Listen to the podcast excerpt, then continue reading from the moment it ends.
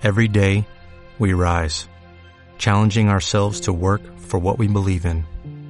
At U.S. Border Patrol, protecting our borders is more than a job, it's a calling. Agents answer the call, working together to keep our country and communities safe. If you're ready for a new mission, join U.S. Border Patrol and go beyond. Learn more at cbp.gov/careers. Cada matí, aixeca't amb la Municipal de Terrassa. A dos quarts de nou del matí, primera hora, amb Francesc Novell.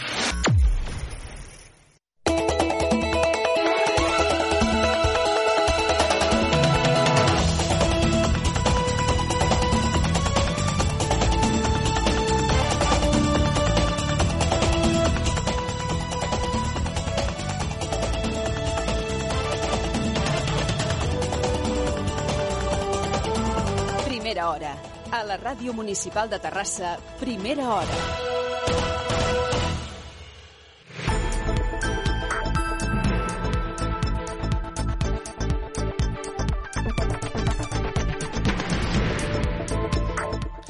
Què tal? Benvinguts. Bon dia. Són dos quarts de nou del matí d'aquest dimarts 7 de febrer de 2023. Atenció, abans de sortir de casa agafeu paraigua.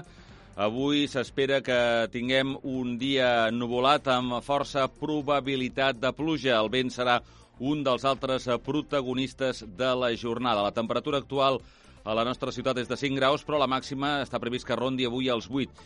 I la cota de neu, segons les previsions meteorològiques, està eh, situada entre els 700 i 800 metres d'alçada. Ara mateix no plou, però cal tenir en compte aquesta previsió d'aquest dia, un dia, un dimarts, eh, que el sol ha sortit... Bé, el sol no, perquè ha estat nuvolat, però que en tot cas eh, hauria d'haver sortit eh, quan faltessin 5, 5 minuts per arribar a les 8 del matí i se n'anirà a les 6 de la tarda i 16 minuts. Guanyem avui 2 minuts i 24 segons de llum.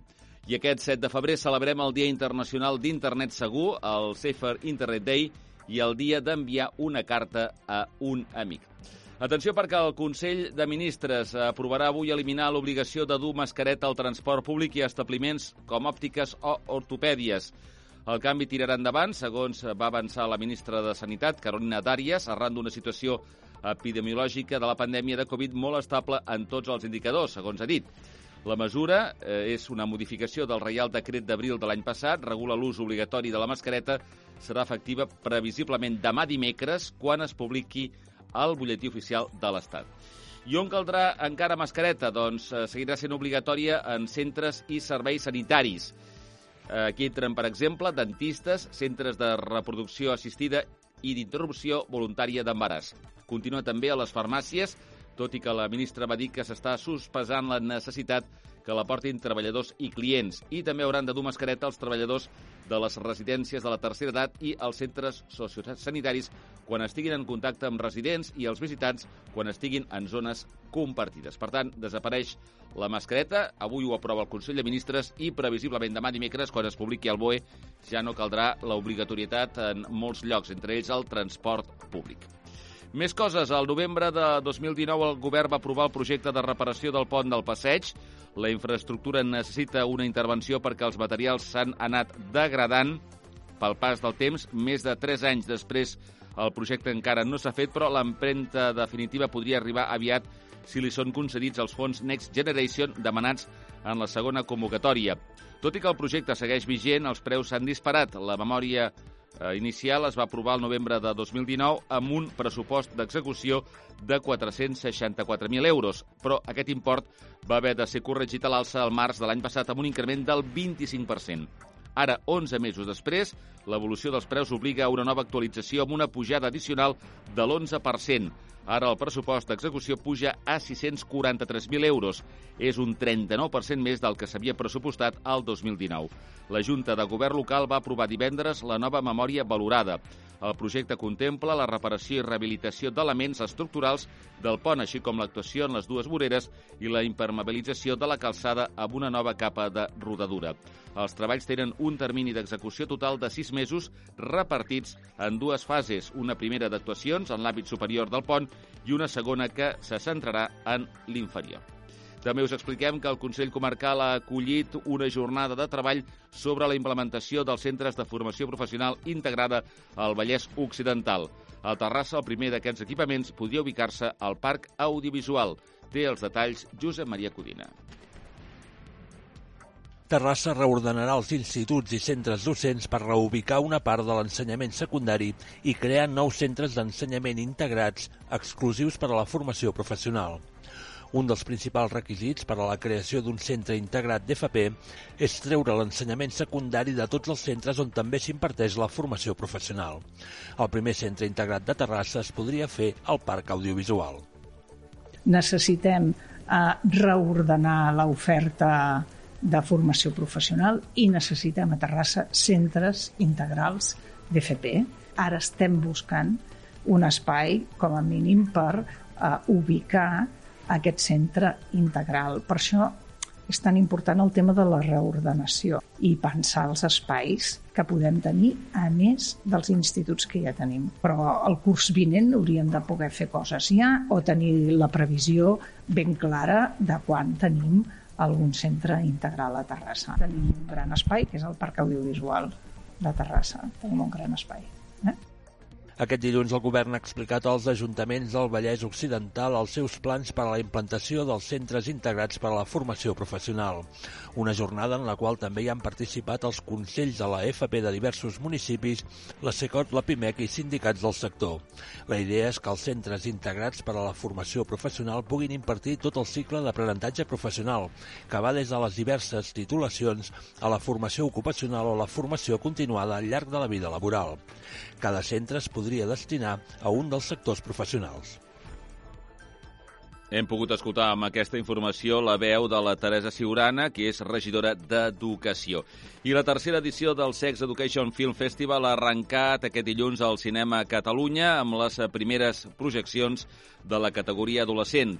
Aquest any l'organització ha rebut uns 250 curtmetratges, dels quals n'ha seleccionat 40. Tots ells es podran veure durant aquesta setmana en el marc de l'únic festival d'educació sexual que se celebra a tot l'estat espanyol. Escoltem a l'organitzadora Maria Rueda creiem que a través dels cursos, de manera d'arribar molt als joves, però també als adults, ens falta molta educació sexual a totes les edats i tant de bo poguéssim portar moltes més activitats de diferents tipus en totes les edats i, i col·lectius, no? A més, estem creixent internacionalment també perquè tenim el festival online i, i bueno, molt contents, molt contents de que a hores d'ara estigui la sala plena tots els matins d'adolescents i que a més d'octubre ja teníem tot ple de que les escoles ja ens estan demanant ells quan és la següent edició que volem venir. Llavors estan rebent molt, molt bé aquesta activitat. Nosaltres els enviem el programa uns dies abans perquè el puguin preparar a classe, que sàpiguen quines seran les temàtiques que treballarem i ells s'ho preparen una mica, fem la, el visionat i després fem una activitat.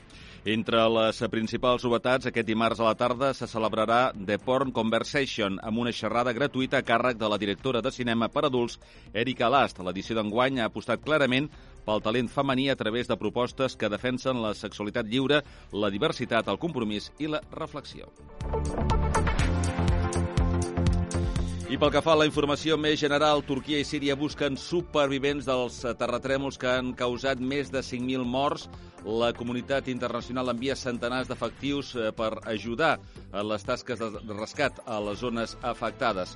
Última adeu a Josep Maria Espinàs amb tots els honors al Palau de la Generalitat. El fèretre es pot visitar de dos quarts d'onze del matí a les 7 de la tarda al Saló Sant Jordi, a Barcelona.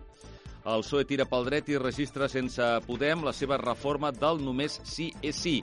Eh, concretament la formació política de Podem tem que el canvi provoqui una nova onada de revisions de penes.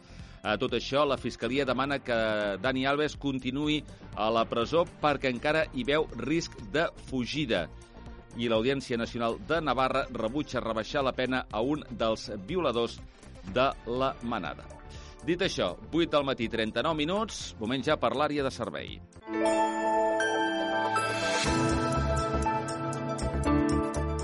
En aquesta hora coneguem com se circula per la nostra demarcació. Connexió amb el RAC. Àlex Huguet, bon dia.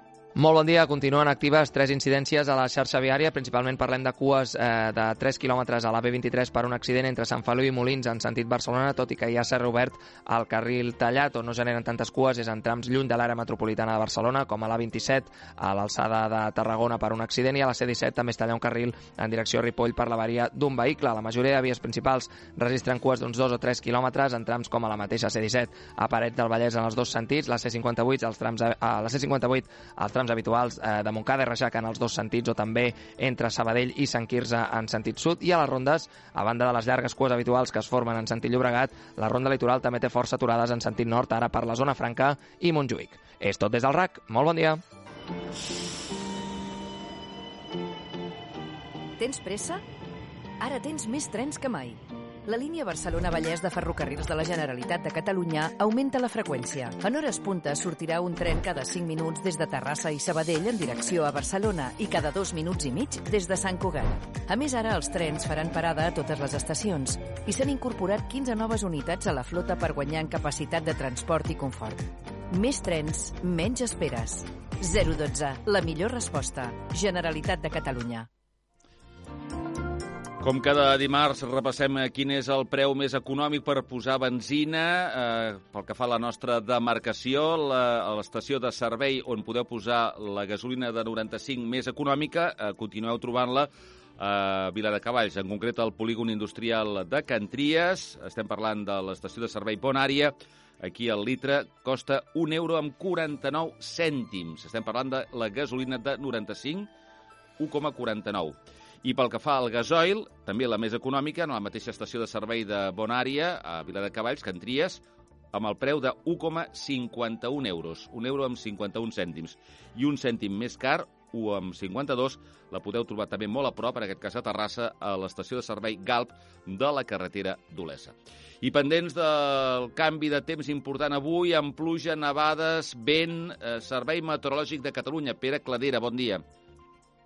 Molt bon dia. Aquest dimarts comença amb aquesta situació de canvi de temps. De fet, esperem que la pluja sigui la gran protagonista durant bona part de la jornada, sobretot a partir de migdia, quan sembla que podrà ser més continuada i més extensa i afectar a bona part de la, del sector central del litoral i prelitoral. De fet, les quantitats podran arribar a superar els 20 litres per metre quadrat amb facilitat i fins i tot en zones de muntanya del prelitoral es podran atensar els 50 o 60 litres, amb una cota de neu que inicialment estarà entre els 600 i els 800 metres, tot i que al llarg de la tarda tendiria a pujar entre els 800 i 1.000 en aquesta mateixa sector de les muntanyes del prelitoral. L'atenció al vent, sobretot a la façana litoral, que bufarà amb intensitat, amb cops que podrien arribar a superar els 60-70 km per hora i atenció al temporal marítim dur de llevant, amb onades que podran arribar a superar els 6 metres d'alçada. I de moment això és tot des del Servei Meteorològic de Catalunya. Me'n vaig a córrer amb el Marc. Amb aquest vent?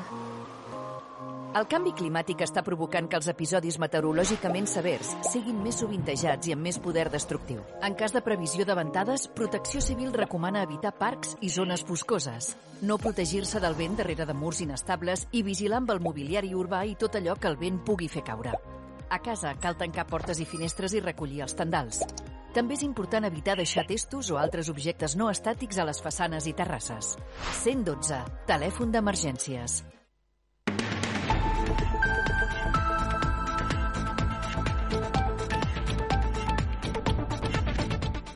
8 del matí, 43 minuts. Continuem endavant aquí al Primera Hora, un programa que també poden seguir no només per la ràdio, també per la televisió, en directe per Canal Terrassa. Moment ja per repassar la premsa, diari de Terrassa a la portada. Estem parlant del de, el diari en format eh, paper. Un memorial de record a les víctimes de les riuades. Es dirà Marca d'Aigua i estarà format per un conjunt escultòric al Parc del Plat de la Corneta, al sector Montserrat. També diu que la instal·lació de plaques solars es triplica en un any a la ciutat el Terrassa Futbol Club perd un partit de Lliga després de 14 jornades i el B triomfa sobre el mal també a la FAC Cultural. Premsa local digital. Mont Terrassa, amb aquesta pregunta, s'han d'eliminar noms franquistes dels carrers de Terrassa i obre aquesta enquesta. Eh, què penseu que s'ha de fer? També podem eh, llegir que el Cobonazo de la ONCE reparteix 200.000 euros a Terrassa. La Torre Nació Digital, les obres al corredor del Mediterrani tornen a reprogramar els horaris de la línia R4, la de Rodalies, la que passa per la nostra ciutat. I ara la premsa generalista de Barcelona, en primer lloc, com poden suposar imaginar, malauradament, les imatges de les portades estan centrades en eh, aquesta catàstrofe natural, amb aquest terratrèmol de Turquia i Síria, més de 5.000 víctimes mortals de moment. Per exemple, el diari La Vanguardia, la portada, milers de morts en un terratrèmol devastador a Turquia i Síria. Pas del PSOE per canviar sense Podem la llei del només sí és sí i el lloguer es dispara un 20% a les capitals de la costa mediterrània. La renda mitjana a Espanya puja un 9% i supera la de la prepandèmia. El diari Ara, Turquia i Síria en estat de xoc. Dos grans sismes eh, sacsegen al sud-est turc i al nord-oest sirià, sobretot zones kurdes, i provoquen més de 3.700 morts en una regió molt castigada per la guerra. També podem llegir que hi ha expectació a Xile per saber si Neruda va ser assassinat. El diari El Punt Avui, doble terratrèmol, dos sismes de gran magnitud sacsegen Turquia, Síria i el Kurdistan. I el conseller Fernández evita valorar el projecte de la B40. Recorda que no figura en el pressupost, però el PSC li replica que sí en l'estatal votat per Esquerra Republicana. I el diari El Periòdico de Catalunya, tragèdia per partida doble. Dos potents terratrèmols arrasen la frontera de Turquia amb Síria, que continua patint les conseqüències de la guerra civil. I el PSOE desaire Podem i fia al Partit Popular el futur de la llei del sí és sí.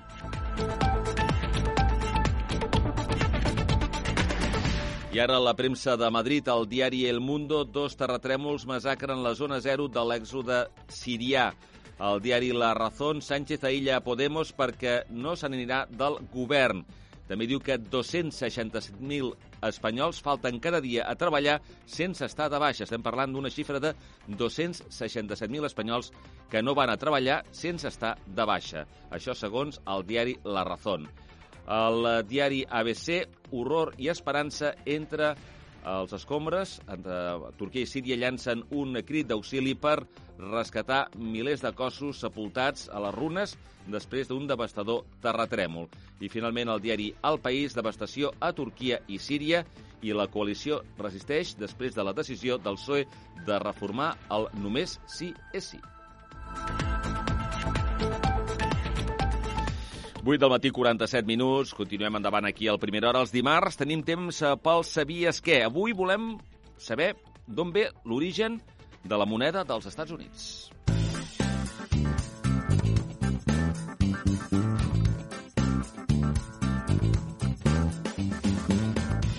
Sabies que quan el 1782 es van fundar els Estats Units, un dels problemes amb què es van enfrontar va ser l'absència d'una moneda única. Els nord-americans utilitzaven els doblons i el ral de vuit espanyols, les lliures i penics britànics, els francs francesos i altres com els ducats i les corones, cadascuna en diferents valors en cada estat de la Unió. L'home que va posar ordre en aquell remenat de monedes va ser un aristòcrata d'una sola cama, ambaixador del seu país durant el regnat de terror a França, membre del Congrés Continental, ajudant del ministre d'Hisenda i autor del preàmbul de la Constitució nord-americana que comença amb les tres famoses paraules We the People. Al 1782, el Congrés li va demanar que fes un informe sobre la situació de les monedes que circulaven pels diferents estats. Al final de l'escrit, suggeria un pla de decimalització per a un futur sistema monetari americà. Era una idea nova, ja que els països europeus no seguien un sistema de fraccionament decimal tan utilitzat avui en dia. L'idea va interessar a Thomas Jefferson i va decidir que la moneda oficial seria el ral de 8, establert pels reis catòlics, conegut al món anglosaxó com a dòlar espanyol, dividit en 10 centaus. Seria representat per un símbol barreja de les lletres P i S de la paraula espanyola pesos. Així va néixer el famós símbol que el representa. Però i el nom de dòlar d'on va sortir? De la moneda de plata austríaca Thaler. Encara famosa a Europa, no tenia la difusió del ral de 8. Això sí, el nom de la moneda austríaca en anglès, Daler, va servir perquè als Estats Units es bategés el ral com a Spanish Dollar, que va derivar en Spanish Dollar. Primera hora. A la Ràdio Municipal de Terrassa, Primera hora encara que siguis de plàstic. Te'n recordes? I qui no? L'envàs on vas fa 10 anys. Des d'aleshores, famílies, empreses i institucions reforcem cada dia el nostre compromís amb el reciclatge. Per això, durant aquests 10 anys, hem incorporat nous sistemes com el porta a porta o els nous contenidors intel·ligents per reciclar més i millor i perquè el futur del planeta encara és a les nostres mans. 10 anys després, reciclem més. Residuenvas.cat Generalitat de Catalunya. Funerària de Terrassa és l'empresa municipal de serveis funeraris de la teva ciutat. Som la teva, la que durant més de 50 anys t'ha acompanyat en aquests moments tan complicats. La que sempre ha estat al teu costat, millorant cada dia des del complex funerari municipal al costat del cementiri. Funerària de Terrassa, la teva, la de sempre.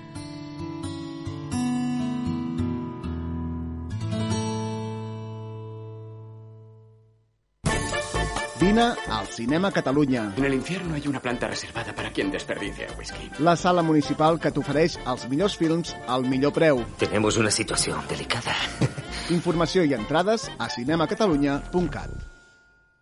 Ara pots omplir casa teva amb tota la roba que necessites. Tot roba, teixits per a la llar. I trobaràs de tot. Mantes, Nòrdics, adredons, jocs de llit, jocs de taula, tovalloles, barnussos, draps de cuina, coixins. vànoves. A més, per cada compra que facis, et regalem una participació de la Loteria Nacional. Pots guanyar fins a 10.000 euros i pots pagar les compres amb targeta de crèdit. Vine a Tot Roba i ho comprovaràs. Estem al carrer Galileu 212 al costat del Parc de Sant Jordi, Terrassa.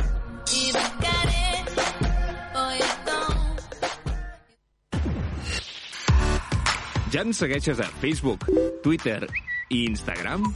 Estigues informat del que passa a la teva ciutat minut a minut. Connectats. Una experiència radiofònica a Sabadell. Ràdio Sabadell, 94.6. Terrassa. Ràdio Municipal de Terrassa, 95.2. Sant Cugat. Ràdio Sant Cugat, 91.5. El Prat. El Prat Ràdio, 91.6. Castellà. Ràdio Castellà, 90.1. I Badalona. Ràdio Ciutat de Badalona, 94.4. Cada tarda de 4 a 6, connectats. 800 quilos, 11 quilos, 120 quilòmetres hora, 45 quilòmetres hora, 4 rodes, dues rodes, 220 centímetres, 42 centímetres. Sobre l'asfalt, el ciclista sempre és el més vulnerable, però en cas d'accident, tots hi perdem. Distància, seguretat, precaució. A la carretera, més respecte, menys accidents. Servei Català de Trànsit, Generalitat de Catalunya. D'aquí a 8 minuts seran les 9 del matí. Continuem endavant. Moment ja per un dia per la història, tal dia com el d'avui, un 7 de febrer, però de fa dos anys, del 2021, l'escriptora i pedagoga Teresa Jové va celebrar el seu centenari de la millor manera possible. Com? Doncs escrivint un llibre.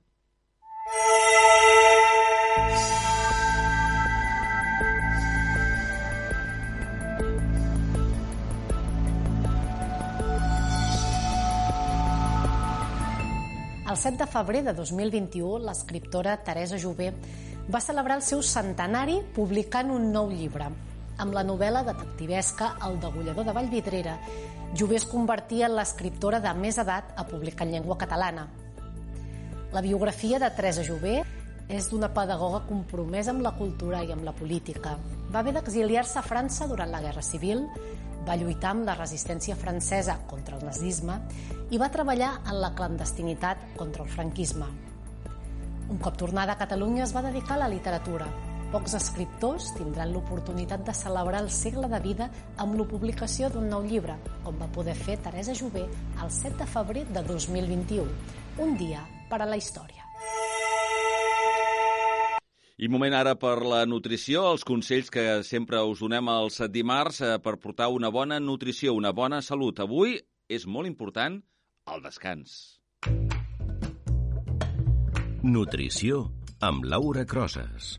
El descans. Actualment, el ritme frenètic i esgotador de la majoria de la població, carregada de pressions socials, activitats i obligacions, tant laborals com familiars, afecta negativament el descans i a l'organisme. No assegurar un bon descans empitjora la qualitat de la son i l'estrès, dificulta el guany o la pèrdua de pes en funció de l'objectiu individual, altera l'estat anímic i la secreció de certes hormones com la grelina, augmentant la sensació de gana, debilita el sistema immunitari, dificulta la regulació de la pressió arterial i empitjora la situació en cas de patir certes malalties com la diabetis tipus 2. Per tant, mantenir un descans de qualitat serà de vital importància per a l'organisme. Per reduir el cansament i mantenir el rendiment diari, caldrà millorar el descans afrontant-lo de manera completa. Es recomana evitar el sedentarisme i practicar de forma regular alguna activitat física, mantenir una alimentació equilibrada i saludable i reduir l'estrès que en el 57% dels casos provoca insomni. Es pot provar d'introduir petites pauses al dia a dia per llegir, fer una migdiada curta, meditar, prendre el sol amb un cafè o una infusió de 10-15 minuts o qualsevol activitat que aporti sensació de benestar. També es poden realitzar exercicis de relaxació per reduir els estats ansiosos generalitzats, relaxar la tensió muscular i facilitar la conciliació del son. Una bona tècnica és la relaxació muscular progressiva de Jacobson, que consta de tres parts. La primera és la de tensió i relaxació, es tracta de tensionar i després relaxar lentament durant uns minuts diferents grups musculars del cos, amb la finalitat de reconèixer la diferència entre els dos estats. D'aquesta manera, es propaga progressivament la relaxació muscular a tot el cos. A la segona fase, cal revisar mentalment els grups musculars comprovant que s'han relaxat al màxim. I finalment, a l'última part, es fan uns minuts de relaxació mental pensant en una escena agradable i positiva o mantenint la ment en blanc per tal de relaxar la ment i seguir relaxant la resta del cos. Si et notes cansat, irritat o et costa mantenir el ritme diari, procura seguir una rutina d'higiene de la son i de relaxació abans d'anar a dormir per millorar i assegurar un bon descans.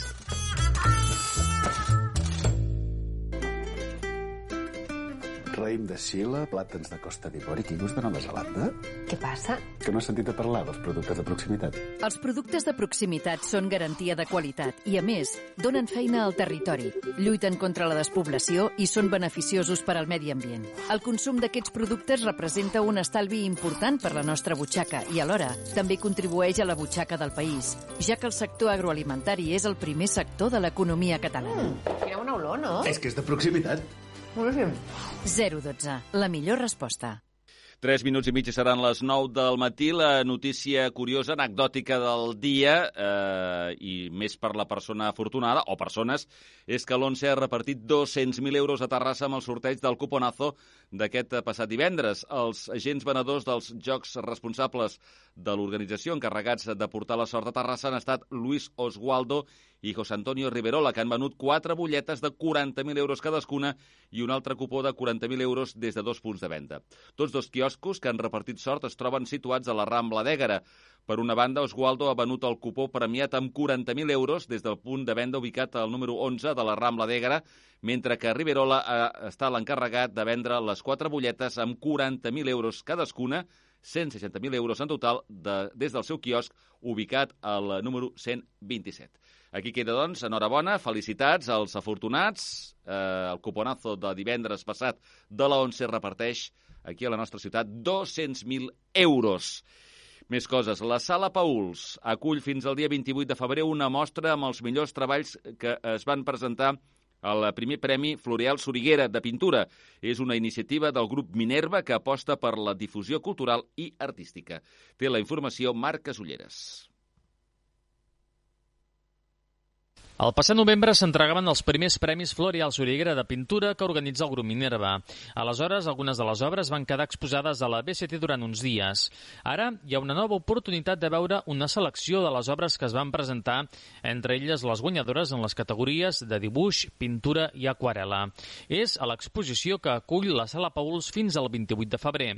Aquest primer Premi Floreal Soriguera va tenir una bona acollida entre pintures, dibuixos collage i tècniques mixtes i demostra el bon pols que té la ciutat pel que fa a la creació plàstica. Per ser la primera vegada, jo hi he estat bastant sorpresa perquè s'ha presentat bastanta gent i havia força nivell. Home, no en tothom, però bastant, bastant. Dir el milloret o milloret no, perquè no hi han pogut entrar totes les obres que nosaltres consideràvem, però sí que dintre de totes, vull dir, és, és una molt bona mostra, no només del, del nivell del concurs, ai, del premi, perdó, no només del nivell del premi, sinó també del nivell general de, de, de pintura aquí a la ciutat de Terrassa. El grup Minerva, de recent creació, té la voluntat d'impulsar esdeveniments culturals i artístics. Aquest any convocarà nous premis, en aquest cas en el camp de la fotografia, la poesia i la música enregistrada. Doncs nosaltres ho deixem aquí ara mateix, encara no plou, però plourà. Eh, agafeu el paraigües abans de sortir de casa i atenció a la previsió del temps. Avui pluja, vent i neu amb una cota que pot estar situada entre els 700 i els 800 metres d'alçada. Dimarts ennuvolat amb força probabilitat de pluja i el vent serà un dels altres protagonistes de la jornada. Ara mateix tenim a Terrassa una temperatura de només 5 graus i mig, eh, però s'espera que la màxima rondi com a molt els 8 graus. Ha estat un plaer, com sempre, Jordi Rueda, des del control de so i amb l'assistència també tècnica de les nostres estudiants en pràctiques, la Núria i la Nayara. Tornem demà. Que vagi bé, bon dia.